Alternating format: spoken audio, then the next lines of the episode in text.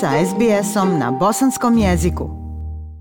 Većinom glasova gradsko vijeće Hobarta, glavnog grada Tasmanije, zatražilo je da azilantima i izbjeglicama koji se trenutno nalaze u hotelu Park u Melbourneu bude dozvoljeno da se presele u Hobart. Prijedlog je usvojen 31. januara sa sedam glasova za naprama pet protiv i vijeće će sada pisati Saveznom ministru za imigraciju pozivajući zatvorene muškarce da dođu u Hobart. Prilog Sara Maunder Kada je Novak Đoković pritvoren u hotelu Park u Melbourneu, nevolja tamošnjih izbjeglica privukla je međunarodnu pažnju.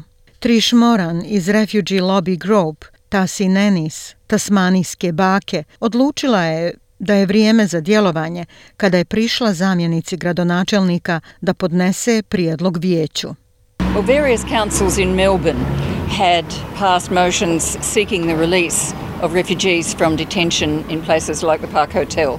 Različiti savjeti u Melbourneu su usvojili zahtjeve kojima se traži puštanje izbjeglica u pritvoru iz mjesta kao što je Hotel Park. Naša organizacija, Tasi Nenis, mi smo vodili kampanju za to. Želimo da se izbjeglice smjeste ovdje u Australiji. Oni su naša odgovornost. Došli su tražeći našu pomoć. Nisu počinili nikakav zločin, ali su već devet godina zatvoreni.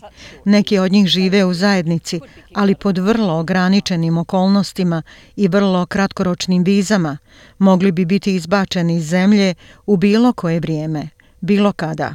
Bila je to vrlo tjesna odluka s jednim vječnikom, Simonom Berakisom, koji je doveo u pitanje pravo vijeća da se uključi u pitanja federalne imigracije.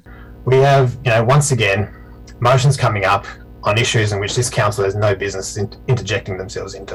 Imamo još jednom prijedloge o pitanjima u koja se ovo vijeće nema nikakvog smisla da upliče. Neću se ni doticati o prednostima i nedostacima ovog pitanja. To nisu pitanja za koja smo mi plaćeni za debatu ili obraćanje, niti smo izabrani od strane javnosti i poreznih obveznika Hobarta da se time bavimo ali i zamjenica gradonačelnika Helen Burnett kaže da su izbjeglice u hotelu Park briga zajednice.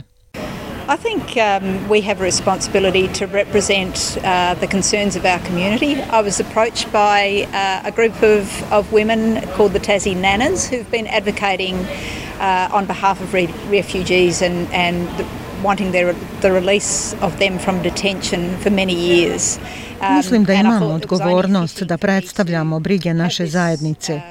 Prišla mi je grupa žena po imenu Tasi Nenis, koje su se godinama zalagale u ime izbjeglica i pozivale na njihovo oslobađanje.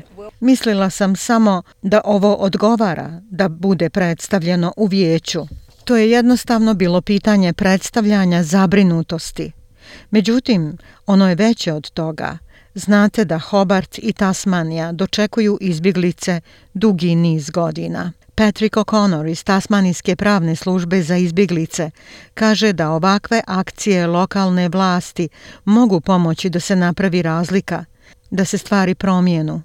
But the minister will weigh up a number of factors, and one of them may be the financial cost to the community. So, by the Hobart City Council coming out and saying that they will support the resettlement of these refugees, that can help in that particular barrier around re resettlement.